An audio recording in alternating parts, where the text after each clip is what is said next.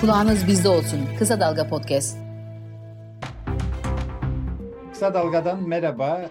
Kısa Dalga ve Eşit Haklar İçin İzleme Derneği işbirliğinde hazırladığımız Yasaksız Meydan'ın yeni bölümünde bir aradayız. Yasaksız Meydan'a kısa bir ara vermiştik.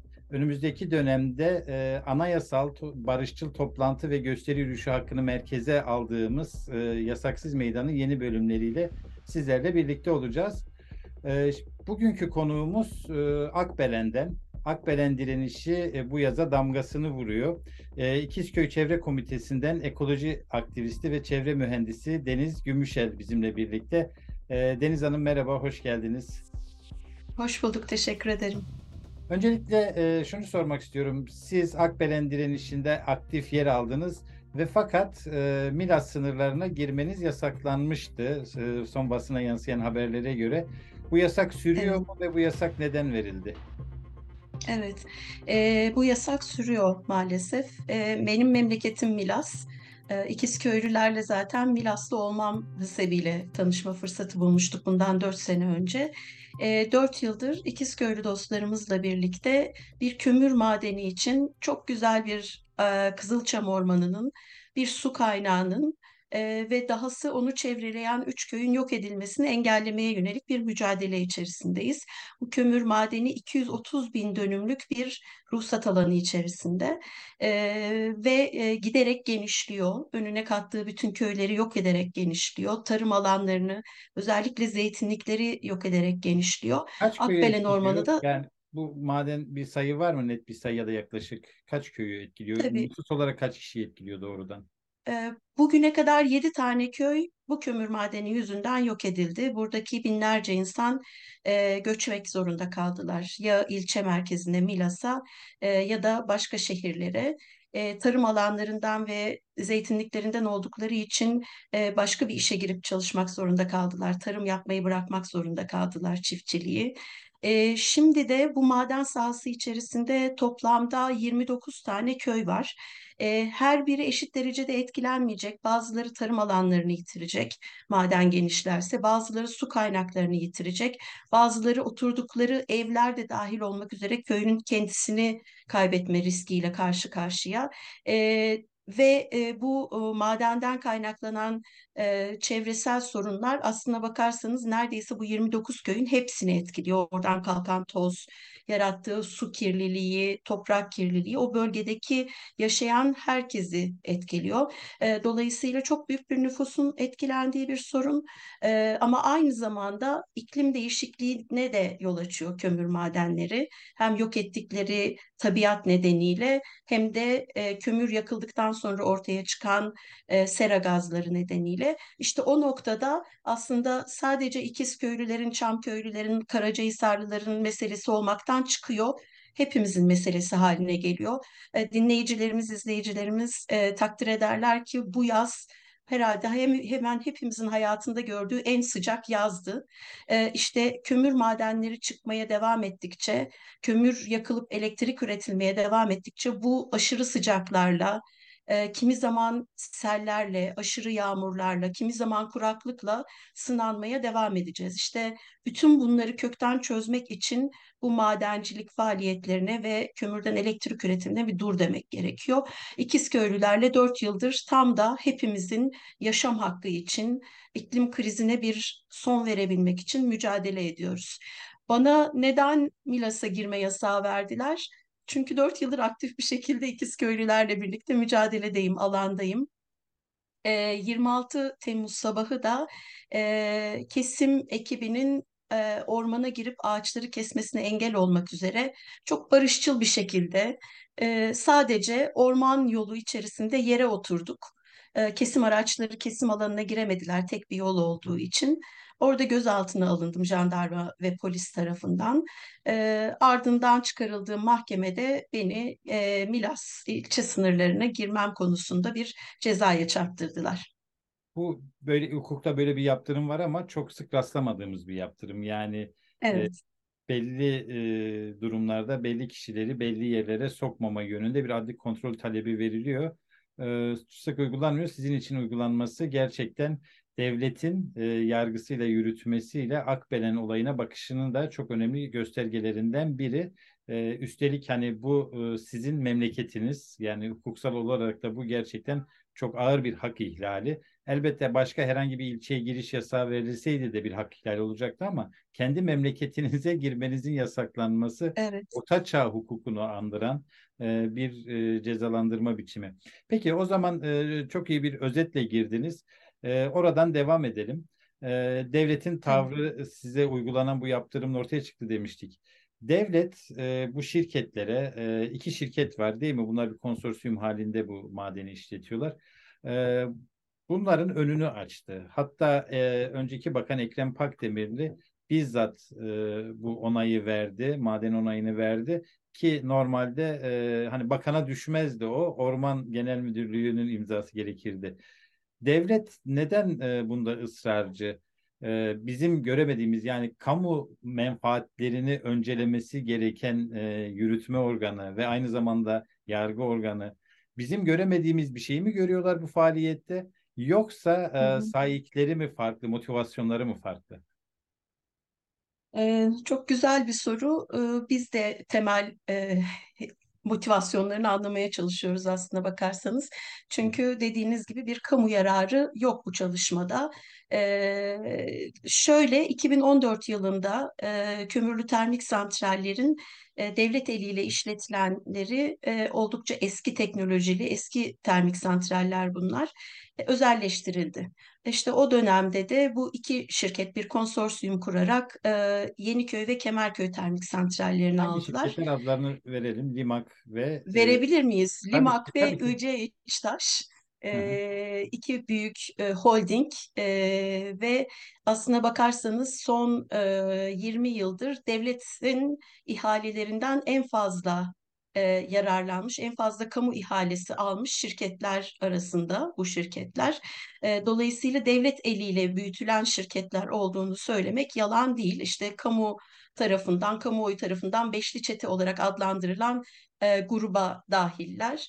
E, bu e, çerçevede e, ciddi bir e, yani mülkiyet transferi oldu. Kamunun elinde aslında bir kamu e, hizmeti olarak sunulan elektrik üretimi o tarihlere kadar özel şirketler elinde kar amacıyla e, üretilmeye başlandı ve çok da ciddi kamuya işte elektrik zamlarıyla özellikle geçen sene hatırlarsınız çok yüksek faturalarla bunu deneyimlemiştik.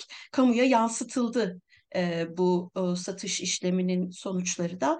Devlet burada şirketlerin karının devamlılığını sağlamaya devam etmeye çalışıyor. Bu özelleştirilmiş santrallerden maksimum karı elde etsin şirketler diye uğraşıyor. Bunun için sadece faturalarımız yükseltilmiyor. Aynı zamanda bu termik santrallere sadece var oldukları için yani o kapasiteyi devletin emrine amade tuttukları için kapasite mekanizması adı altında örneğin bir teşvik veriyorlar. Kömür madenciliğinde çok ciddi teşvikler var. İşte işçi sigortalarında indirim, gelir vergisinde indirim, KDV'de indirim, e, bir takım ithalat, ihracat süreçlerinde e, indirimler vesaire gibi pek çok e, farklı kalemde e, teşvikler sunuyor devlet. E, bu da aslına bakarsanız e, 2000'li yılların başından itibaren IMF ve Dünya Bankası'nın Türkiye için öngörmüş olduğu bir programı hayata geçirmek üzere yapılmış. Elektrik sektörü enerji sektörü bu anlamda tamamen özelleştirecek, özelleştirilecek diyor Dünya Bankası ve IMF. Türkiye'de bu programı şirketler için karlı bir şekilde hayata geçirmeye çalışıyor. Yani aslında Akbelen köylüsünün ve siz aktivistlerin direnişi sadece devlete, e, sadece e, devleti koruduğu şirketlere değil, aynı zamanda küresel olarak da e, iklim krizinin sorumlularına karşı, e, küresel sermayeye karşı bir direniş. Yani oradaki e, ağaçların kesilmesi meselesinin e, salt ağaçla sınırlı olmadığını anlıyoruz böylece. Yani köylüler direnirken ya da siz buna itiraz ederken salt e, o ormanda ağaçların kesilmesiyle sınırlı değilsiniz. Hani bunu çok manipüle ederek şey diyorlar ya geziye de gönderme yaparak hani mesele ağaç. Evet. Mesele ağaç değil ama mesele e, hem memleketimiz hem dünya e, diye anlıyorum bunu. Peki Kesinlikle. e, bu girişimlere karşı yani şirketin bu faaliyetlerine karşı daha doğrusu iki yoldan karşı çıkılıyor anladığım kadarıyla, gördüğüm kadarıyla. Bir alanda bir direniş var. Evet. Köylüler ve çevreciler bu ağaç katliamına karşı direniyorlar. Beri yandan da bir hukuksal mücadele sürüyor. Evet. Ne yazık ki siyasal alanda e, bunun e, siyasal itiraz anlamında, siyasal mücadelesine verilmesi anlamında e, pek güçlü bir karşı çıkış olduğunu söyleyemeyiz. E, nitekim Akbelen'e gelen e, partililer özellikle CHP'lere yönelik e, tepki de bunun bir göstergesi. E, öncelikle hukuksal alanda neler yapılıyor onu soracağım. Sonra toplumsal muhalefet yani orada sizler neler yapıyorsunuz? Sonra da belki kısaca yine siyasi muhalefetin tavrına değinelim. Ama önce e, yargısal alanda ne olup bitti? Yargı buna ne diyor? E, bununla başlayabiliriz. Tabii ki. Ee, biraz önce aslında siz önemli bir vurgu yaptınız. Ee, ormanı, Akbelen Ormanı'nı bu şirkete YK Enerji'ye tahsis eden, maden işletmesi için tahsis eden izin belgesi doğrudan Tarım Bakanı tarafından imzalandı. 2020 yılının Kasım ayında imzalandı. Bu tahsis izninin iptali için bir dava açtık biz. Bu belgeye e, ulaşır ulaşmaz. Bir kere bu belgeye ulaşmamız da aylar sürdü. Yani bu anlamda da bilgi edinme hakkı çerçevesinde çok ciddi hak ihlallerine uğruyor İkizköylüler bu mücadele esnasında. Oysa çevresel bilgiye erişim bugün e, artık uluslararası sözleşmeler tarafından da garanti altında alınmış temel bir e, hak e, olarak değerlendiriliyor. E, velhasıl kelam bir uzunca bir mücadeleden sonra bu belgeye ulaştık e, ve bu belge kapsamında verilen iznin e, iptali için e, Muğla İdare Mahkemesi'ne dava açtık. E, dava süreci çok ilginçti. Pek çok baskıya ve aslında tırnak içerisinde söylüyorum tacize de maruz kaldık. E, avukatlarımız e, bilirkişi keşifine alınmak istenmedi. E, davacı olan dernek üyelerimiz bilirkişi keşfine alınmak istenmedi. Hakim tarafından hakaretlere uğradık. Avukatlarımıza e, ve uzmanlarımıza ben dahil hakaretler etti hakim. Bir hakimin ağzından duyulmaması gereken, hiçbir şekilde hiç kimseye yakışmayan ama bir hakime, o konumdaki bir hakime kesinlikle yakışmayan sözlerle hakaretlere uğradık. Veya e, Hakimler Savcılar Kurulu'na başvuru oldu mu bununla ilgili? Oldu, oldu. Bununla ilgili soruşturma da devam ediyor. E, ve üç kere bilirkişi e, keşfi yapıldı aynı davada. Her e, seferinde e, farklı bir sonuç çıktı. İlk iki rapor e, görece e, iklim e, krizini öngören, oradaki tarım faaliyetlerini ve özellikle zeytin varlığını ortaya koyan e, ve madenciliğin getireceği çevresel yıkımı ortaya koyan raporlardı. Bunlar tabii şirketin işine gelmediği için bir üçüncü rapora başvuruldu. E, diğer ikisi hükümsüz sayıldı. Son yani rapordaysa... Şöyle mi oldu? Mahkeme ya bu benim e, hukuki bilgimi aşan bir mesele bunu bilir kişiye göndereyim dedi iki bilirkişi de e, şirketin aleyhine rapor yazınca beğenmeyip üçüncü bir bilirkişiyi gönderdi.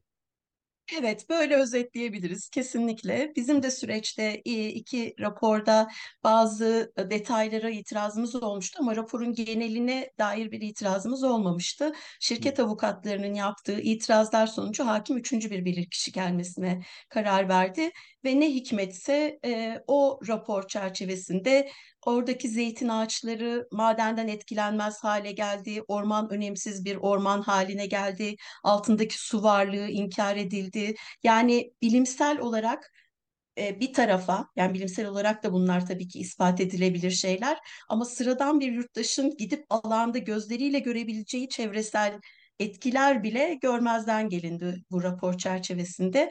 Bilir kişiler yani meslek etiğine ve bilir kişi e, etiğine uygun bir e, çalışma içerisinde Son olmadılar. Rapor hazırlayan bilir kişilerin sıfatı neydi? Yani akademisyen mi, mühendis mi? Akademisyenler. Hı hı. Akademisyenler, farklı kurumlarda akademisyenler ya da uzman kişiler.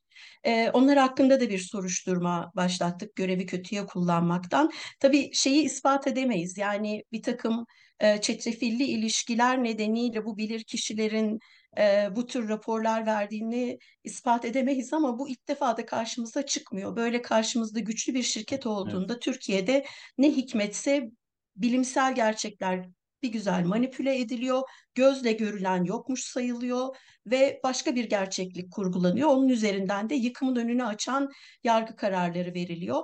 E, bu rapora rağmen e, hem İkizköy'de devam eden, Akbelen Ormanı'nda devam eden nöbet nedeniyle hem de iki yıla yayılan ciddi bir kamusal e, destek nedeniyle, kamuoyu desteği nedeniyle e, hakimler hiç de öyle kolayca e, şirket lehine ve Akbelen aleyhine bir karar veremediler. Hala da karar verememiş durumdalar. O şekilde devam ediyor davamız.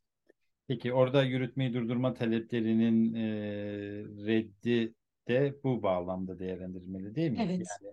Yani, evet, yargı, evet, evet. Yargı bu doğa katliamına e, ilişkin nihai kararını vermedi ama süreç içerisindeki yürütmeyi durdurma talepleri ne yazık ki ağaçların kesilmesinin önünü açtı.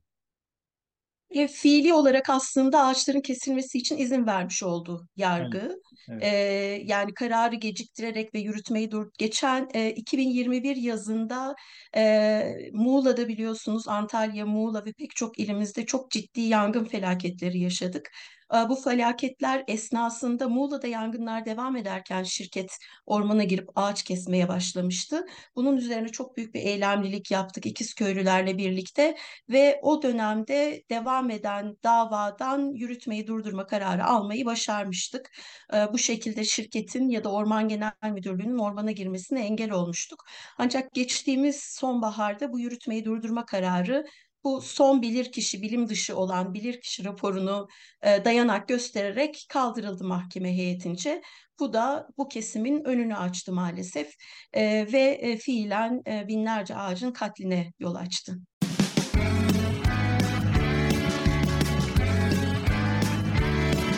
Kulağınız bizde olsun. Kısa Dalga Podcast dehşet yani 3 e, bilirkişi raporu var. İkisi e, şirketlerin aleyhine onlar yok sayılarak 3. E, bilirkişi raporuyla bu hukuksuzluklar işletiliyor. Peki gelelim evet. e, yasaksız meydanın da odağına aldığı toplumsal muhalefete. E, hı hı. Orada e, Türkiye'nin çok çeşitli yerlerinde gördüğümüz kendiliğinden gelişen ama e, toplumsal muhalefetin de dahil olduğu e, dışarıdan unsurların da tırnak içinde diyeyim dahil olduğu e, bir direniş var. E, şimdi orada evet. çok hazin manzaralar gördük. Gerçekten yaşlı insanlara yönelik kolluk gücünün nasıl hoyratça kullanıldığını gördük. Önce şeyi sormak istiyorum köylerin etkilendiğinden söz ettiniz ve ciddi bir e, doğa e, felaketi e, insan eliyle gerçekleştirilen bir doğa felaketinden bahsettiniz. Evet. Yeterli bir katılım var mı? Yani biz görüyoruz evet insanlar orada direniyorlar. E, ama bu hı hı. E, genel olarak o köylüleri e, ekseriyesini e, temsil ediyor mu? Ekseriyesini temsil etmek zorunda değil elbette. O açıdan sormuyorum ama yani yöre halkının e, bu e, olay karşısındaki tutumu nedir? Daha objektif bir Hı-hı. pencereden baktığınızda. Çünkü aynı zamanda sanırım orada da bir de işçileşme meselesi var. Bir e, çalışan evet. işçiler var ve o işçiler de işlerini kaybetmek istemiyor. Orada nasıl bir gerilim çıkıyor ortaya? Hı hı. E, yapay bir gerilim ortaya çıkıyor diyebiliriz. E, çünkü e, hem İkizköy'den hem Karacahisar'dan hem Çamköy'den yani bu e, orman felaketinin katliamından ve daha sonra genişleyecek olan o tarım alanlarının yok edilmesi planından etkilenecek köylerden çok sayıda arkadaşımız evet e, termik santralde ve madende çalışıyorlar. Ama e, bu arkadaşlarımız, bu işçi kardeşlerimiz aynı zamanda e, bu köylerin insanları, buranın yerleşik insanları ve toprakla bağ kesilmemiş insanlar. Yani mesailerinden çıktıktan sonra keçilerini gütmeye gidiyorlar mesela ya da işte zeytin zamanında, zeytin hasadı zamanında bir iki gün izin alıp zeytinlerini kaldırıyorlar. Hala ailelerin çoğunun madende çalışan arkadaşlarımızın ailelerinin çoğunun da gıdasını kendi bahçelerinden, kendi tarlalarından aldıkları ürünle sağladıklarını biliyoruz. Dolayısıyla e, tam işçileşmiş e, ve topraktan tamamen kopmuş bir nüfustan bahsetmek mümkün değil. Burada daha çok e, bir düzenli iş ve bir sigorta emeklilik e, getirisi nedeniyle madende ve termik santralde çalışmayı e, yani şey yapıyorlar, kabul ediyorlar ve çalışıyorlar. E, ama burada verilen mücadeleye de e, topraklarını kaybetmemek, doğdukları, büyüdükleri yeri kaybetmemek, kültürlerini kaybetmemek anlamında destek veriyorlar. Çoğunluğu böyle. Hı hı. E, şunu yapamıyorlar. Şirketin baskısı nedeniyle doğrudan mücadele alanına gelip o nöbet alanımıza gelip sık sık bizi ziyaret edemiyorlar. Ama e, yani bütün samimiyetimle söylüyorum bunu. O dört yıl içinde kurulan ilişkilerde biz bu arkadaşlarımızın düğünlerine gidiyoruz, e, mevlütlerine gidiyoruz. E, zaman zaman bize alana, nöbete yemek getiriyorlar. Sürekli bir böyle bir arka planda dayanışma içerisindeyiz. Köyün bütün haneleri yüzde yüz e, bu mücadelenin içerisinde mi ya da destekliyor mu? Hayır, değil. Bir de e, doğrudan maalesef şirket tarafından yönlendirilen muhtar ve onun akrabaları var. Bayağı yerele indik ama bence Evet, bu birazcık aslında. Türkiye'deki ee, yani evet Türkiye'deki siyaset ilişkilerini, güç dağılımını falan da özetleyen, Hı. mikro ölçekte özetleyen bir örnek olduğu için anlatmak istiyorum. Bölgedeki köylerin hemen bütün muhtarları bu santralden ya da madenden emekli insanlar ve e, bir kamulaştırma olduğunda da şirketin yanında davranıyorlar. Yurttaşların haklı hak arayışlarını desteklemek yerine e, şirketin ve, ve şirket faydasına kamulaştırma yapan devletin e, demir kolu olarak görev yapıyorlar. E, onların akrabalarına da bu kamulaştırmalarda bazı imtiyazlar geçiliyor. E, şaşırmayacağınız üzere. E, dolayısıyla köyün yüzde yüzü bu mücadelenin arkasında dersek yalan söylemiş oluruz. Ama emekçi, kendi yağıyla kavrulan, e, kendi el emeği, e, bilek gücüyle yaşayan insanlar o toprağın kıymetini biliyorlar ve bu mücadelenin yanındalar. Onu söyleyebilirim rahatlıkla. Nasıl baskılarla karşılaşıyorlar? Yani alanda e, ki tavır e, hani en son jandarmanın tuvalet nöbetine kadar vardı ki e, Evet. hakikaten devletin şiddet yüzünü çok net bir şekilde gördük. Ne tür baskılarla karşılaşıyorlar? E, işçilere e, eğer direniş alanına giderlerse, çadır alanına giderlerse işten çıkarılacakları tehditleri var. E, işçilerin annelerine, babalarına eğer onlar geliyorlarsa e, çocuğunuzu işten çıkarırız tehditleri var. Ve maalesef e, şu ana kadar e, işten çıkarılmış arkadaşlarımız da var. Doğrudan madenden değil ama gene şirketin sponsorluğunda yürütülen arkeolojik kazı çalışmalarında çalışan arkadaşlarımız, köyden arkadaşlarımız aynı zamanda nöbete de destek verdikleri için, orman nöbetine de destek verdikleri için işten çıkarıldılar ve e, başka yerlerde e, iş buluncaya kadar aylarca işsiz gezdiler. Tazminatları verilmedi. E, yani en büyük kozları bu. Ee, onun dışında e, yani insanları en büyük e, tehditleri ya topraklarınızı, tarım alanlarınızı bize satarsınız ya da üç kuruşa kamulaştırırız. Kamulaştırma dosyası e, Enerji Bakanlığı'nda her an kamulaştırma kararı çıkabilir. İşte biz size şimdi şu A lira veriyoruz, X lira veriyoruz. E, ama kamulaştırma gelirse bunun onda birini bile alamayacaksınız deyip insanları mülksüzleştirme korkusuyla hizaya getirmeye çalışıyorlar. E, bu anlamda da e, çok büyük bir çoğunluk, İkizköy'ün çok büyük bir çoğunluğu e, hala e, şirkete topraklarını satmamış durumda. E, yani direnişin e, o e, şeyini e, nasıl diyelim e, şirkete teslimiyet e, içerisinde değiller. Hala satmıyorlar topraklarını. E, bu tehdide boyun eğmiş durumda değiller. E, alanda e, mücadele yükseldikçe başka başka şeyler de yapıyor. Mesela şirket 2020 yılında e, Covid e, salgını ilk başladığında köyün suyunu kesti. Şimdi şirket nasıl köyün suyunu keser diyeceksiniz. 2014 yılındaki özelleştirmede İkizköy'ün de suyularını sağlayan yeraltı suyu kuyuları DSİ tarafından şirkete e, tahsis edilmiş. Ücretsiz bir şekilde yeraltı suyu kuyularını kullanıyor şirket. Ve e, hat önce su hattı şirkete geliyor, termik santrale geliyor. Termik santralden bir hatta İkizköy'e gidiyor. E, bizim eylemlerimiz yükseldiğinde ve İkizköylüler hayır topraklarımızı size satmıyoruz dediğinde Covid'de o ölümcül hastalıkta bütün dünyanın kırıldığı o hastalık sırasında İkizköy'de 10 güne yakın su kesintileri yaptı mesela şirket. Biz bunu gene bir medya e, şeyiyle, görünürlüğüyle e, geri çevirmeyi başardık. Ee, yani aklı hayale gelmeyecek her tür insan hakkını çünkü temiz su biliyorsunuz çok temel bir insan hakkıdır. Her tür insan hakkını e, çiğneyecek e, uygulamalar yapıyor şirket baskıyı arttırmak için. Yanı sıra e, alandaki e, protestoya da yönelik anayasal barışçıl e, gösteri hakkına yönelik de çok e, ciddi Evet. müdahaleler oldu. Kaç kişi gözaltına alındı? Oradaki durum nedir? Dava açılıyor mu e, bu gösteriler nedeniyle? Evet. Ee, soruşturmalar devam ediyor. Ee, dört arkadaşımızı mahkemeye sevk ettiler. Ee, bir tanesi de benim. Ee, üç arkadaşımız yani üç kişi hakkında bir tanesi de benim. Benim dışımda iki arkadaşımız daha var. Milas ilçesi sınırları içerisine girme yasağı getirildi. Ee, dört kişiye yurt dışına çıkma yasağı getirildi. Ee, yaklaşık 45 kişi e, sayabildiğimiz kadarıyla şu an dün akşam öyle bir e, envanter yaptık. 45 kişi gözaltına alınmış bu süreç Hem içerisinde. köylüler var E, hem de aktivistler var değil mi bu sayının içerisinde? Evet evet her iki taraftan da e, arkadaşlarımız var. Zaten hani e, alanda hep birlikteyiz. Bir ayrı gayrı yok. E, jandarma gözaltına almak konusunda e, dışarıdan desteğe gelenlere birazcık daha e, iltimas tanıyor. Onları daha fazla gözaltına alıyor diyebiliriz. Köyden arkadaşlarımızı e, biraz daha az gözaltına alıyor ama Eminim eylemlerde yan şöyle bir yanayız. propaganda yapılıyordur. Yani bu özellikle e, bu tür yerel direnişlerde e, o yüzden başta tırnak içinde dışarıdan gelenler dedim.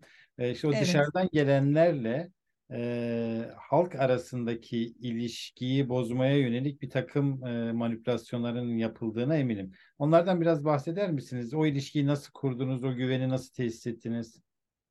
Evet, Ee, yani tabii e, İkizköylüler dört yıldır aslında yaşam savunucularıyla omuz omuzalar, yan yanalar Ee, ve biz bu ilişki içerisinde çok net bir şekilde baştan itibaren şöyle bir e, kural koyduk alana dair. Oraya gelen herkes e, bir siyaset yapabilir. O da doğanın ve yaşamın siyaseti dedik. E, herkes farklı siyasi görüşlerden olabilir, alana destek veren. E, farklı siyasi partilerden olabilir, farklı inanışlardan olabilir. Ama burada ağız birliği edeceğimiz tek siyaset var. O da şirketlere karşı, devletin bu hoyrat politikalarına karşı yaşamın savunulması siyaseti. E, bu anlamda e, herhangi bir e, parti ya da herhangi bir grup hiçbir zaman İkizköy mücadelesinde öne geçmek için bir çaba içerisine girmedi. İkizköylülerin bu iradesine saygı gösterdiler. Her, gerçekten her kanattan insan var. Yani şöyle düşünün sadece liderlerin isimlerini vereyim oradan biçelim.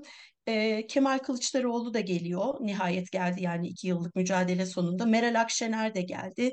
Ahmet Davutoğlu da geldi. E, ama işte e, Yeşil Sol Parti e, eş sözcüsü İbrahim Akın da geldi. E, işte tipli milletvekilleri de geldi. Milletvekili adayları da geldi. Dolayısıyla e, böyle bir e, nasıl diyelim Akdeniz a, Akbelen koalisyonu mu diyelim acaba? Evet, E, İttifakı'ndan daha farklı sağlam görünen bir zemini var. Şu ana kadar bunu yapmayı başarabildik. İkizköylüler de gerçekten çok e, eşit ve demokrat davrandılar gelenlere. E, niyetleri önemliydi gelenlerin. Bu eşit e, ilişki içerisinde bir sıkıntı olmadan bugüne kadar getirdik. Ama pek çok spekülasyon yapıldı elbette. Yani alanlar marjinaller tarafından yönlendiriliyor vesaire gibi. E, o güven ilişkisi e, o kadar uzun zamana e, yayılmış durumda ki ve o kadar çok e, badirenin içinden geçtik ki birlikte birilerinin söylentileriyle sarsılacağını da düşünmüyorum açıkçası. Yoldaşlığımız sağlam. Peki. O zaman e, son olarak e, siyasetin e, Akbelen'de verdiği sınava gelelim. E, bu önemli. Niye önemli? Çünkü Türkiye bir seçim yaşadı ve o seçimden sonra büyük bir hayal kırıklığı yaşadı. E, Akbelen direnişinde gördük ki e, Akbelen e, de direnenler de muhalefete tepkili. Bu salt seçim atmosferinden mi kaynaklı? Yani seçim yenilgisinin oraya yansıması mı ki öyle yorumlandı çoğu kez. Ama sanırım Akbelen'le ilgili politikasızlığa yönelik bir tepkiydi. Ee, siz nasıl değerlendiriyorsunuz? Akbelen e, direnişçileri muhalefeti niye tepki gösteriyor? Muhalefet neyi eksik ya da yanlış yapıyor?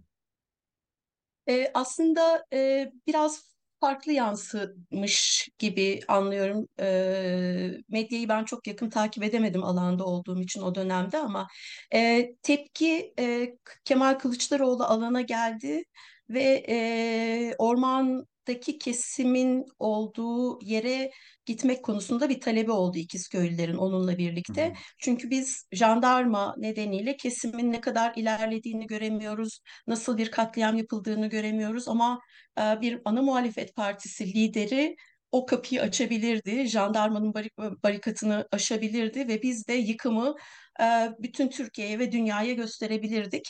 E, Kemal Kılıçdaroğlu bu fikre çok e, e, hazırlıklı gelmemişti anladığım kadarıyla. Önce ormana gitmeden alanı terk etmek gibi bir eğilim içerisinde oldu.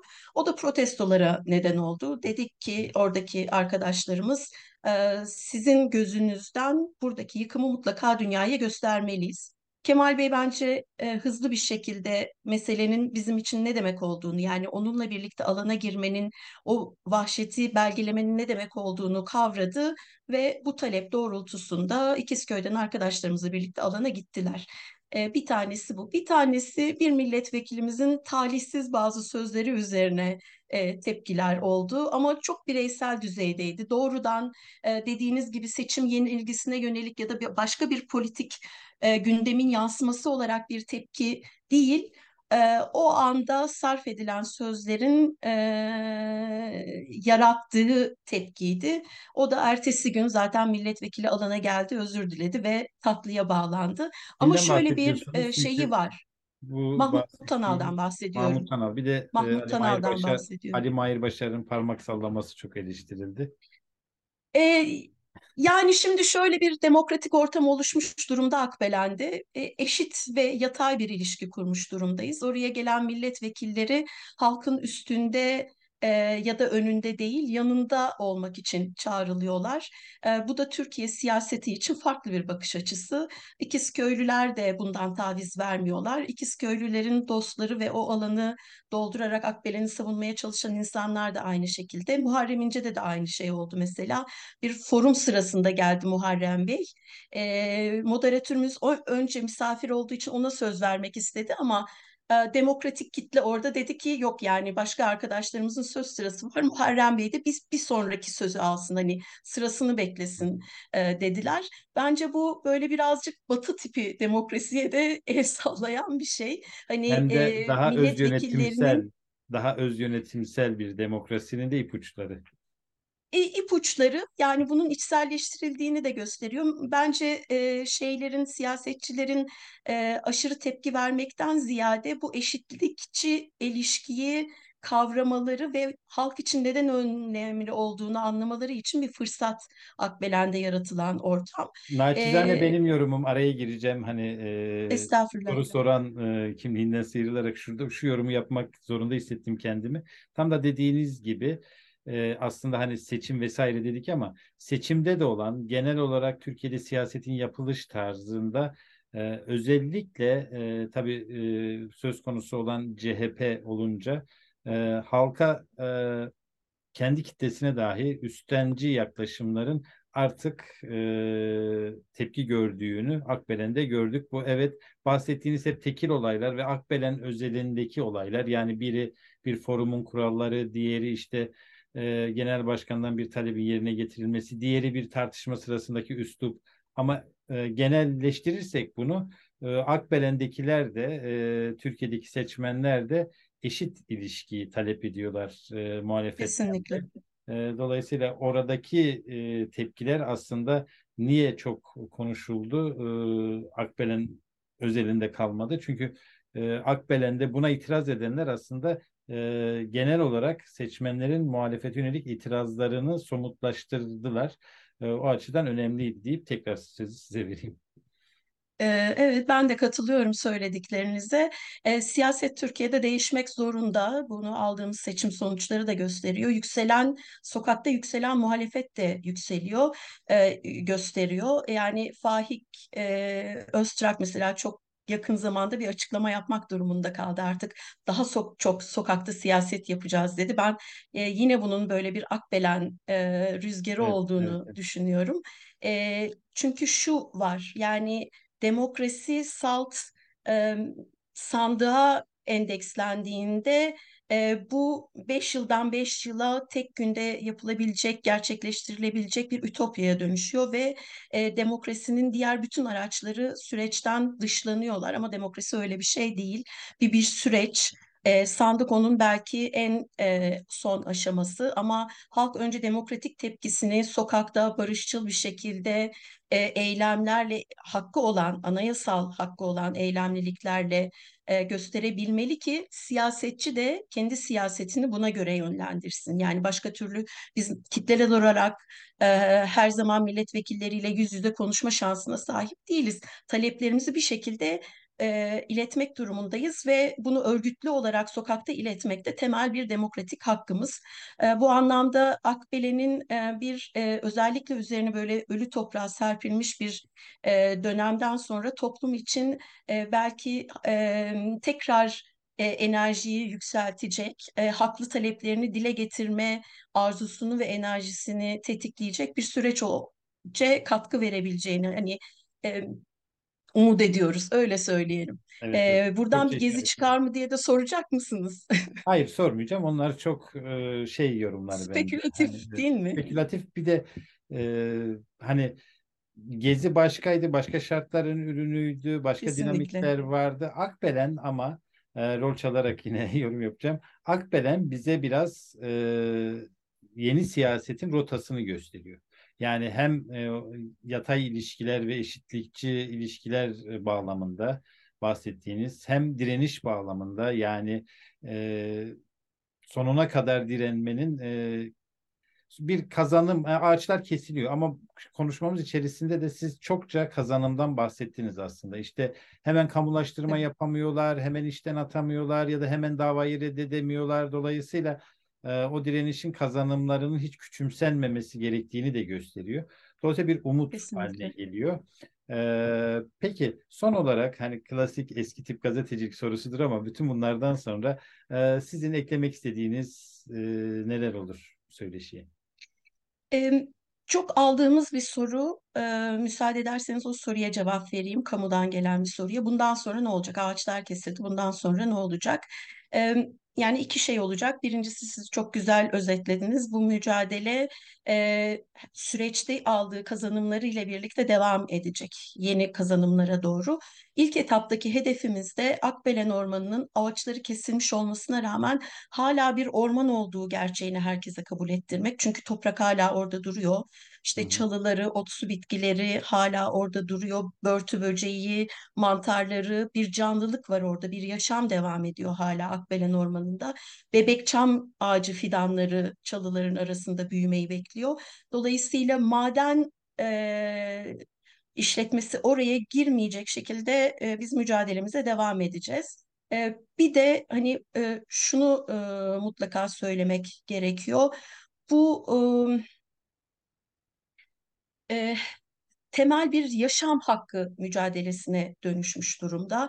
Yerinden yurdundan madenler için e, sürülen çok fazla sayıda insanımız var. Yok edilen çok fazla e, köyümüz var. Sanki biraz böyle kırsaldaki hayatın yok edilişine dair de bir iz taşıyor bu saldırılar.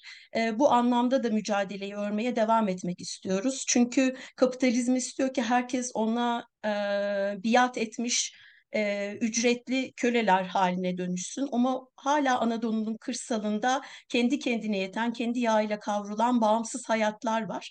E, bu, bu hayat kültürünü, bu yaşam kültürünü, bu üretim biçimini de hayatta tutmak e, başarabilirsek eğer Akbelen'in önemli çıkarımlarından biri olacak bizim için. Evet Deniz Gümüşel İkizköy Çevre Komitesi ekoloji aktivisti ve çevre mühendisi Ee, kısa dalgada yasaksız meydana katıldığınız için çok teşekkür ederiz. Çok güzel bir söyleşi oldu. Çok sağ olun. Ben teşekkür ederim söz hakkı için.